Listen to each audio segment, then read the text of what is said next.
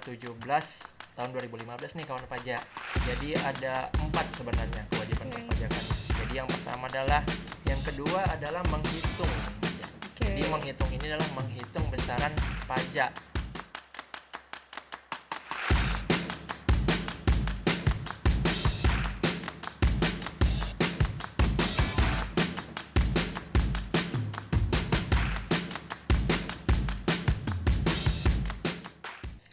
Assalamualaikum warahmatullahi wabarakatuh.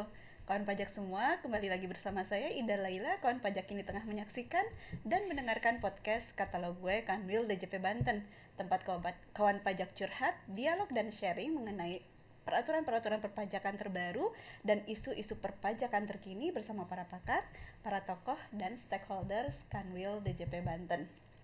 Nah, podcast katalog gue kali ini Kanwil DJP Banten menghadirkan seorang asisten penyuluh pajak terampil dari Kantor Pelayanan Pajak Seram Barat.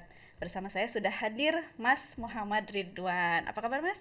Ya, sehat Bu Ida. Bu Iya. Ida apa kabar? Alhamdulillah baik. Terima kasih nih sudah datang di studio podcast katalog Kanwil DJP Iya. Banten. Nah, ngomong-ngomong kita mau bicarain apa nih di podcast katalog kali ini? Nah, pada edisi kali ini saya akan membawakan materi tentang pajak profesi di bidang konsultan Bu Ida. Oke, nih kawan pajak nih, siap-siap yang punya profesi sebagai seorang konsultan, entah itu konsultan apa pun nanti kita bicarakan nih sama Mas Ridwan. Kenapa sih mau mengambil materi ini? Ya, kenapa saya memilih materi ini ya Bu Ida ya? Karena menurut saya ini materi konsultan paling menarik nih. Oke. Paling menarik dan tidak jauh dari kita, ada di sekitar kita seperti itu. Karena kan kita bekerja di salah satu alasannya nih ya. Karena kan kita di Direktorat Jenderal Pajak ya. Ada Mm-hmm. juga nih kan terkait pajak ada yang namanya konsultan pajak. Oke. Alasan utamanya sih karena itu sih Bu. Jadi Oh, oke. paling terkait lah dengan kita paling dekat. relate banget gitu. Iya, relate. Oh, Oke, nih sebetulnya konsultan itu tadi udah disebut di- dari spill tuh konsultan pajak salah Iya. satunya. Tapi sebetulnya konsultan ini tuh apa sih artinya konsultan itu? Jadi kalau melihat dari definisi ya, di Mhm. definisi itu kan ada di KBBI dan secara sederhana nih kawan pajak. Jadi kalau menurut KBBI, konsultan itu adalah pemberi petunjuk ya, pemberi petunjuk atau penasihat atau Mhm. pengarah Oke. seperti itu. Tapi kalau secara sederhananya kita bisa mengartikan nih Bu Ida bahwa konsultan itu adalah seorang ahli yang profesional di bidangnya Mhm. yang bertu- yang bertugas untuk memberikan petunjuk, memberikan arahan agar suatu pekerjaan tersebut bisa lebih baik lagi hasilnya seperti itu Bu Ida. Jadi memberikan jasa kalau kayak gitu ya. iya, jasanya yang dijual. Hmm, Oke, menjual jasa nih konsultan-konsultan ini. Ada jenis-jenisnya nggak sih? Maksudnya eh konsultan apa, apa dan eh, pekerjaannya berbeda, proses bisnisnya berbeda atau bagaimana tuh Iya. boleh dijelasin? Jadi kalau misalnya konsultan ini ya terkait dengan jenisnya ada dua nih. Oke. Ada dua yaitu konsultan internal sama konsultan eksternal Bu Ida. Oke. Jadi kalau misalnya konsultan internal, pegawai konsultan tersebut menjadi pegawai di suatu perusahaan emang di hire Mhm. agar menjadi konsultan untuk Oke. memberikan arahan sama memberikan nasihat ataupun petunjuk seperti Tapi itu. statusnya dia pegawai. Iya benar. Oke. Tapi kalau misalnya di satunya konsultan eksternal nih, konsultan eksternal ya misalnya suatu perusahaan lagi butuh terkait menyusun rencana keuangan perusahaan misalnya ya di awal tahun. Mm-mm. Gimana nih kita nyusun rencana keuangan kantor kita nih? Kita hire lah konsultan keuangan misalnya Hmm. hanya untuk bekerja biasa kan nyusun keuangan dua semester ya dua Oke. kali doang ya setahun ya Dalam seperti itu setahun. Ya, Oh, itu jadi dia statusnya bukan karyawan, tapi dia diminta jasanya untuk Benar. memberikan Mm-mm. tadi apa arahan atau eh, apa sih petunjuk petunjuk. Iya, Oh, nasihat oke. juga bisa. Nasihat. Oke. kalau misalnya jenis-jenisnya ya banyak contoh-contoh konsultan ya Bu Ida ya ada Mm-mm. konsultan pajak Mm-mm. konsultan keuangan konsultan arsitek juga ada Mm-mm. komputer SDM pariwisata biasa banyak sekali mesin ya. ya dan sebagainya seperti Oh, Oke, itu jadi sebetulnya eh, konsultan itu nama eh, ujungnya lah gitu. Sebetulnya bisnisnya itu macam-macam gitu ya. Iya, Bisa benar sekali. segala macam lah, mulai dari keuangan, pajak, teknik iya dan segalanya. Oke. Nah, terus untuk para konsultan ini apa sih eh, terkait perpajakannya nih, Mas Ridwan, apa yang harus diperhatikan untuk kawan pajak yang punya profesi sebagai seorang konsultan? Yang perlu diperhatikan ya. Jadi kalau misalnya terkait kewajiban perpajakan nih Bu Ida ya. Mhm. Kewajiban perpajakan konsultan itu sama dengan profesi-profesi yang pekerjaan bebas lainnya. Mhm. Kalau di pajak kan kita ada diatur ya terkait dengan profesi ini ada di per 17 tahun 2015 tahun 2015 nih kawan pajak. Mhm. Ataupun juga disinggung juga sebenarnya di peraturan pemerintah nomor 23 tahun 2018 kemarin. Oke. Ada nanti bisa kawan pajak baca sendiri ya kalau misalnya di PP 23 tahun 2018 itu ada di pasal 3 sama pasal pasal 2 dan pasal 3. Oke. Lalu kalau misalnya di peraturan DJP nomor 17 tahun 2015 ada di pasal 2 sampai dengan pasal 4 seperti itu. Oke. Itu tentang apa tuh Nah, pasal-pasal itu? Kalau misalnya kita lihat dulu ya di kita patokannya di per 17 tahun 2015 Oke. saja. Jadi jasa sehubungan dengan pekerjaan bebas itu ada jenis-jenis kelompok ya. Ada jenis-jenis kelompok. Biasanya kita kawan pajak biar mudah nih nyingkatnya. Kita nyingkatnya Pak Panda saja. Oke, apa tuh singkatan dari apa tuh sih Jadi Pak satu Panda? grup nih. Oke. Jadi Pak Panda itu ada penilai, Penilai, aktuaris, aktuaris, konsultan. konsultan. Nah, kayaknya itu Ah, konsultan. Pak. Panda berarti pak gitu tulisannya. Iya, Terus kalau yang lainnya pengacara, oke. arsitek, Oke. notaris dan Oke. atau PPAT, lalu dokter. Dokter. Jadi konsultan menjadi salah satunya yang ada di Iya. dalam Per 17 itu Mm-mm. pasal 2 dan 3. Iya, sampai pasal 2 dan 3 Dua dan dibahas. tiga, oke. Berarti eh, punya kewajiban perpajakan juga nih sebagai seorang konsultan. Punya kewajiban perpajakan. Kewajibannya apa aja tuh? Kalau kewajiban perpajakan ya, kawan pajak ya. Jadi ada empat sebenarnya kewajiban Oke. perpajakannya. Jadi yang pertama adalah bagi teman-teman yang konsultan yang belum mempunyai NPWP, kewajiban pertama adalah mendaftar. Oh, oke. Mendaftar NPWP supaya punya sekali, NPWP supaya gitu ya. punya. Karena kalau misalnya nanti kawan pajak belum punya NPWP, pajak konsultannya terkait dengan penghasilannya selama setahun bisa kena tarif 120% lebih tinggi Oke. yang harus disetorkan. Dibandingkan yang punya NPWP. Benar sekali. Wah, rugi juga tuh. Lumayan tuh 120% Iya, lebih tinggi lumayan. tuh ya. Misalnya kalau tarifnya 5% jadi 6% Benar gitu ya. sekali. Oke, nanti mikirnya 120%. Wah. Kayaknya Lalu- banget padahal sebetulnya dari tarif yang Iya dari tarif yang aslinya. Asli. Oke, itu pertama harus punya NPWP. NPWP. Eh, untuk punya NPWP ini bagaimana caranya nih? Kalau untuk punya NPWP ya sekarang Bu Ida sudah sangat mudah Bu Ida. Hmm. Yang penting teman-teman konsultan ini punya KK dan KTP saja.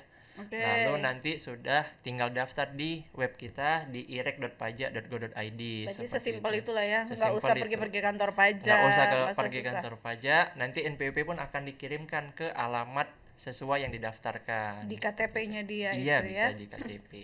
Oke, itu daftar. Kemudian itu yang pertama tuh. Kewajiban yang kedua apa nih? Yang kedua adalah menghitung, Bu Ida. Oke. Jadi menghitung ini adalah menghitung besaran pajaknya berapa. Yang harus dibayarkan. Benar sekali. Oke, cara menghitungnya itu gimana? Apa yang harus disiapkan oleh teman-teman konsultan maksudnya eh, untuk bisa menghitung pajak mereka? Nah, kalau menghitung ini kita melihat ya, kalau di per 17 itu di ada dibahas nih.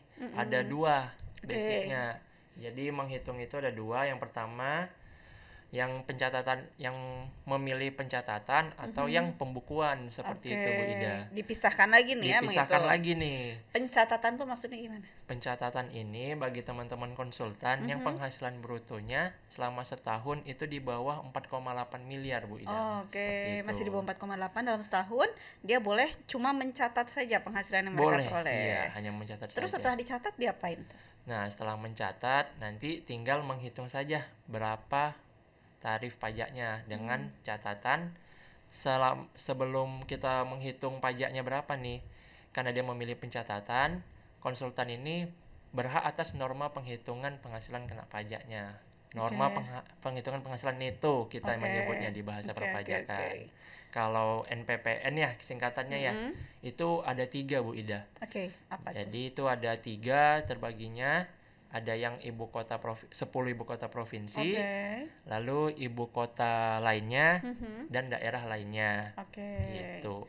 Itu beda-beda nih tarifnya ya, tarif normanya ya. Normanya iya beda-beda. Oke. Kalau untuk secara sederhananya ya, nanti teman-teman konsultan bisa melihat di per 17 itu Bu Ida. Hmm, Di per ada 17. listnya ya. Ada listnya di lampiran itu nanti tinggal cari aja kata kunci konsultan. Oke. Jadi kan tadi saya jelasin ada tiga nih ya. Takutnya teman-teman konsultan bingung nih, wah saya ini masuk yang mana nih mm-mm. tarifnya NPPN-nya maksudnya. ya. NPPN-nya, tapi di lampiran itu ada seperti Di lampiran itu akan ada jenis eh, pekerjaannya, kemudian akan ada kalau di ibu kota provinsi berapa berapa tarifnya. iya ibu kota kemudian lainnya. ibu kota lainnya Nah. berapa. Jadi tinggal disesuaikan dengan domisili masing-masing Iya, ya. benar sekali. Oh, Oke, sesimpel itu di per 17 nih kuncinya ya kawan pajak Mm-mm. harus lihat nih browsing-browsing lah ya ada banyak kali ya di internet ya Banyak, googling Ida. insya Allah akan dapat lah per 17 tahun 2015 15. pernya ini peraturan direktorat jenderal Jenderal Pa- Pajak. direktur jenderal pajak Iya. ya per dirjen tadi sudah eh, pencatatan tadi yang dibahas kemudian selain pencatatan tadi ada pembukuan juga nih untuk Iya. yang pembukuan gimana nih Jadi yang untuk pembukuan ini Bu Ida, kalau perhitungan pajaknya ya, Mm-mm. tadi saya belum nyebutin ya kalau pencatatan itu kan bagi yang omset di bawah 4,8 miliar. Mm-mm. Untuk pencatatan perhitungan pajaknya adalah penghasilan bruto konsultan itu Mm-mm. nanti dikalikan dengan NPPN, oke dikurangkan dengan PTKP, Mhm. lalu dikalikan dengan tarif Bu Ida seperti Oke, itu. dikurangin PTKP itu khusus yang sudah punya NPWP atau yang gimana nih? Khusus yang sudah punya NPWP Oh, makanya tadi itu. beda tarif itu Iya, ya. benar sekali. Oke, nah itu kan pajak bisa memasukkan unsur PTKP sebagai pengurang ketika sudah punya NPWP. Makanya yang nomor satu tadi daftar NPWP itu segera Wajib, ya, iya. wajib ya. Oke, terus selanjutnya Kalau yang untuk pembukuan ya Pembukuan, sekarang nah. kita nih berbicaranya. Kalau pembukuan ini bagi teman-teman konsultan Mhm. biasanya sih atas kalau saya lihat atas dua hal nih Bu Ida. apa aja tuh? Yang pertama, penghasilan brutonya sudah lebih dari 4,8 miliar selama Oke. setahun. Mm-mm. Jadi kan fee-nya udah lebih nih selama 4,8 miliar. Wajib bagi teman-teman konsultan melaksanakan pembukuan. Oke. Terus kondisi kedua, bagi teman-teman konsultan ini yang lupa mendaftar di DJP online untuk memilih pencatatan. Oh. Jadi dianggap pembukuan. kalau nggak itu. daftar dia nggak bisa pakai pencatatan. Tidak bisa, Berarti pencatatan itu harus didaftarkan. Iya. Kapan tuh mesti daftarnya? Kalau pendaftarannya itu ti- untuk tiap-tiap tahunnya ya pada saat tiga bulan setelah akhir tahun pajak seperti itu. Oh, Jadi oke. sederhananya ya kalau tadi kan kata-kata saya agak susah ya. Ah, gimana tuh dicerna. sederhana ya? Batas pelaporan SPT tahunan kan tanggal 31 Maret ya Bu Ida Mm-mm. untuk yang orang pribadi. mm-mm. Nah, di saat pelaporan SPT itu disampaikan juga lah untuk pengajuan pencatatan setiap tahunnya. Jadi biar Oke. bareng gitu. Kalau itu lupa, otomatis wajib pembukuan. Pembukuan benar sekali. Nah, berarti ini banyak poin-poin yang nggak boleh lupa nih kawan pajak. Pertama tadi eh, daftar NPWP dulu supaya tarifnya lebih rendah. Kemudian yang kedua daft- mendaftarkan NPPN. Mm-mm, benar sekali. Maksimal tanggal 31 Maret gitu Iya, aja kali ya biar gampang ya. Sebelum tanggal 31 Maret sudah didaftarkan permohonan NPPN-nya supaya bisa menggunakan pencatatan. Iya. Oke, tadi kalau pembukuan berarti menghitung pajaknya bagaimana nih? Kalau pembukuan menghitung pajaknya hanya beda sedikit saja Bu Ida. Oke. Kalau tadi kan pencatatan mengurangi NPPN ya. Hmm. Tapi kalau pembukuan ini perhitungan pajaknya yang tadi dikurangi NPPN, tapi kalau pembukuan sederhananya mengurangi biaya-biaya. Oh, kalau pembukuan ada biaya yang bisa diperhitungkan benar ya. sekali. Jadi kan sederhananya nih ya teman-teman konsultan nih. Jadi penghasilan bruto dikurangi biaya-biaya, lalu dikurangi PTKP-nya PTKP, juga, lalu dikalikan tarif, pajaknya. pajak. Oke, kalau itu. tarif pajak mah semua sama ya pasal 17 semuanya sama. Undang-Undang KUP.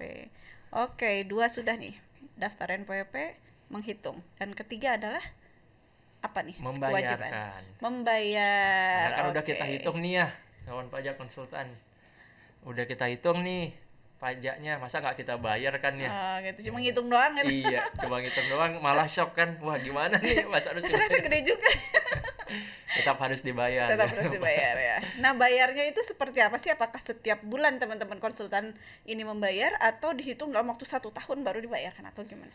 Nah, bagi yang benar-benar mandiri nih teman-teman konsultan, kan seperti halnya satu kelompok dengan dokter ya. Mm-mm. Kalau misalnya dia ada menghitung sendiri pajaknya, benar harus menyetorkan pasal harus 25 tiap ya bulannya. pasal 25 Iya. jadi itu konsultan memang Ibaratnya angsurannya, pajaknya angsuran tiap supaya bulan kan. nanti di tahun berikutnya dia sudah tahu nih berapa yang sudah dibayar sehingga tinggal Benar sekali, diperhitungkan iya. sisanya harus berapa. Oke, itu perhitungan pembayaran bayarnya sendiri teknisnya seperti apa?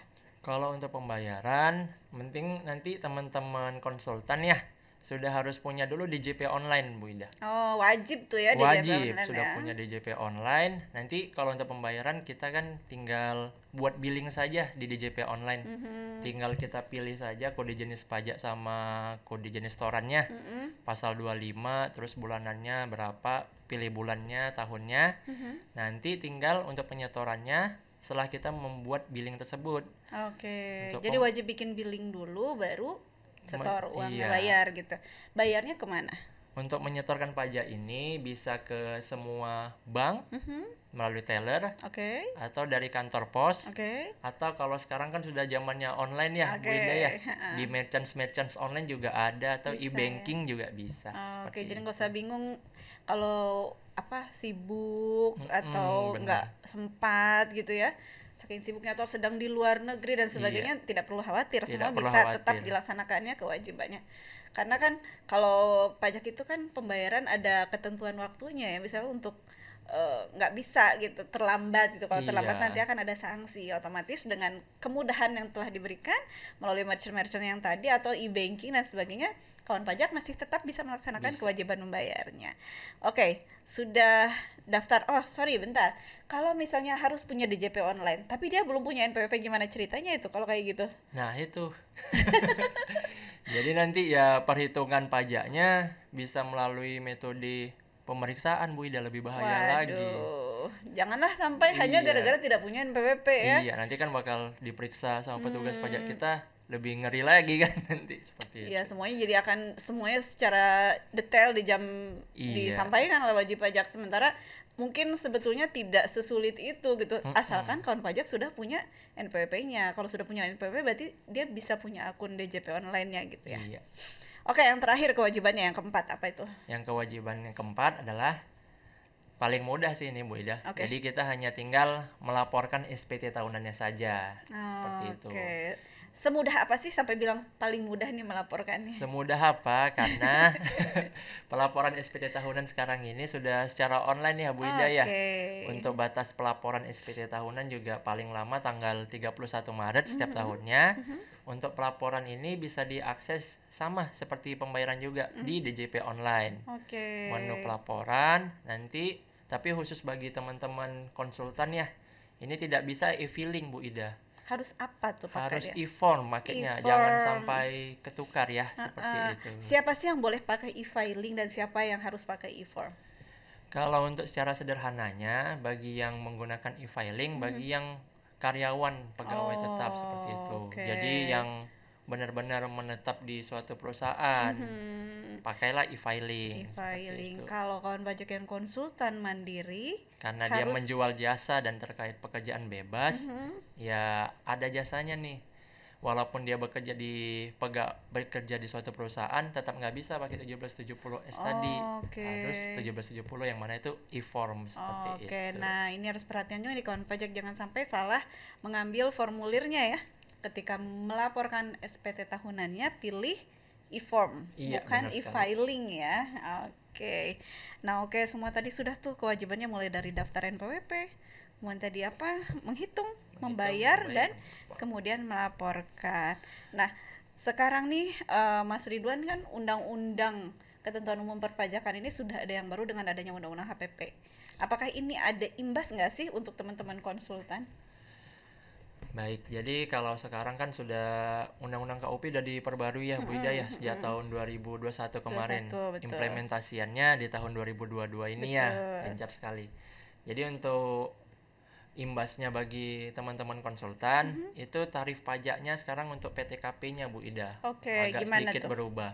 Boleh. Jadi kalau misalnya dulu ya di Undang-Undang KUP batas bawah dan batas terakhirnya berubah dengan Undang-Undang HPP ini. Oke.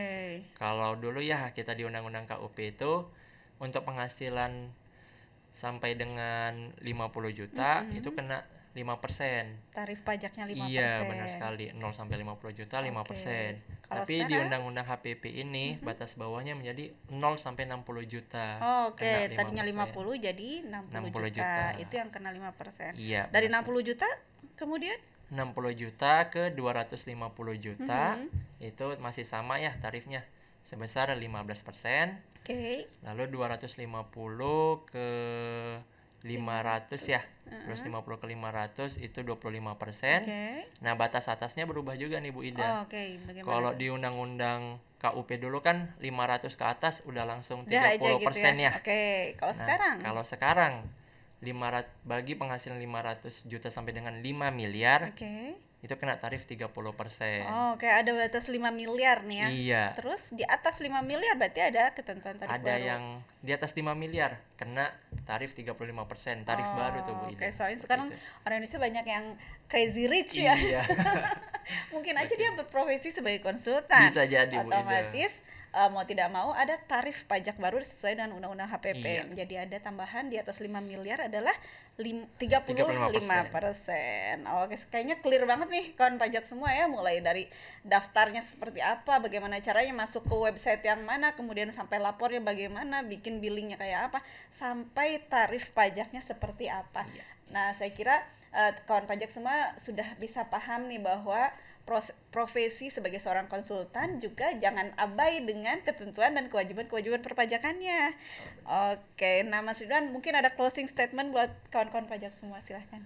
Baik, untuk closing statement saya ya sederhana aja sih Bu Mm-hmm. Ida. Jadi bagi teman-teman konsultan yang ada di wilayah kerja kantor saya nih, KPP Pratama Serang Barat ya, Oke. wilayah Kota Serang, ayo kita rame-rame nih untuk memenuhi kewajiban perpajakannya seperti itu. Karena kalau misalnya nanti tidak dipenuhi, ya bisa jadi diperiksa pajaknya. Tapi kalau bagi teman-teman pajak yang patuh, bahkan pajaknya itu bisa dikembalikan juga kalau misal terjadi situasi lebih bayar seperti itu. nggak usah khawatir. Nggak usah ya. khawatir. Aduh, salah ngitung nih kelebihan bisa diminta Iya, kembali. bisa diminta kembali, ya. Oke, baik terima kasih banyak Mas Ridwan Iya, sama-sama, sudah Bu Ida. berbagi ilmu dan pengetahuan mengenai pajak untuk seri profesi seorang konsultan. Nah, kawan pajak semua boleh menyaksikan dan mendengarkan lagi podcast ini di media sosialnya Kanwil DJP Banten, mulai dari Spotify, Facebook, kemudian Instagram, Twitter. Di sana juga banyak sekali informasi-informasi perpajakan lainnya yang bisa kawan pajak semua eh, pelajari dan mudah-mudahan apa yang sudah kami sajikan ini bermanfaat buat kawan pajak semua. Bila taufiq wal hidayah, wassalamualaikum warahmatullahi wabarakatuh. Waalaikumsalam.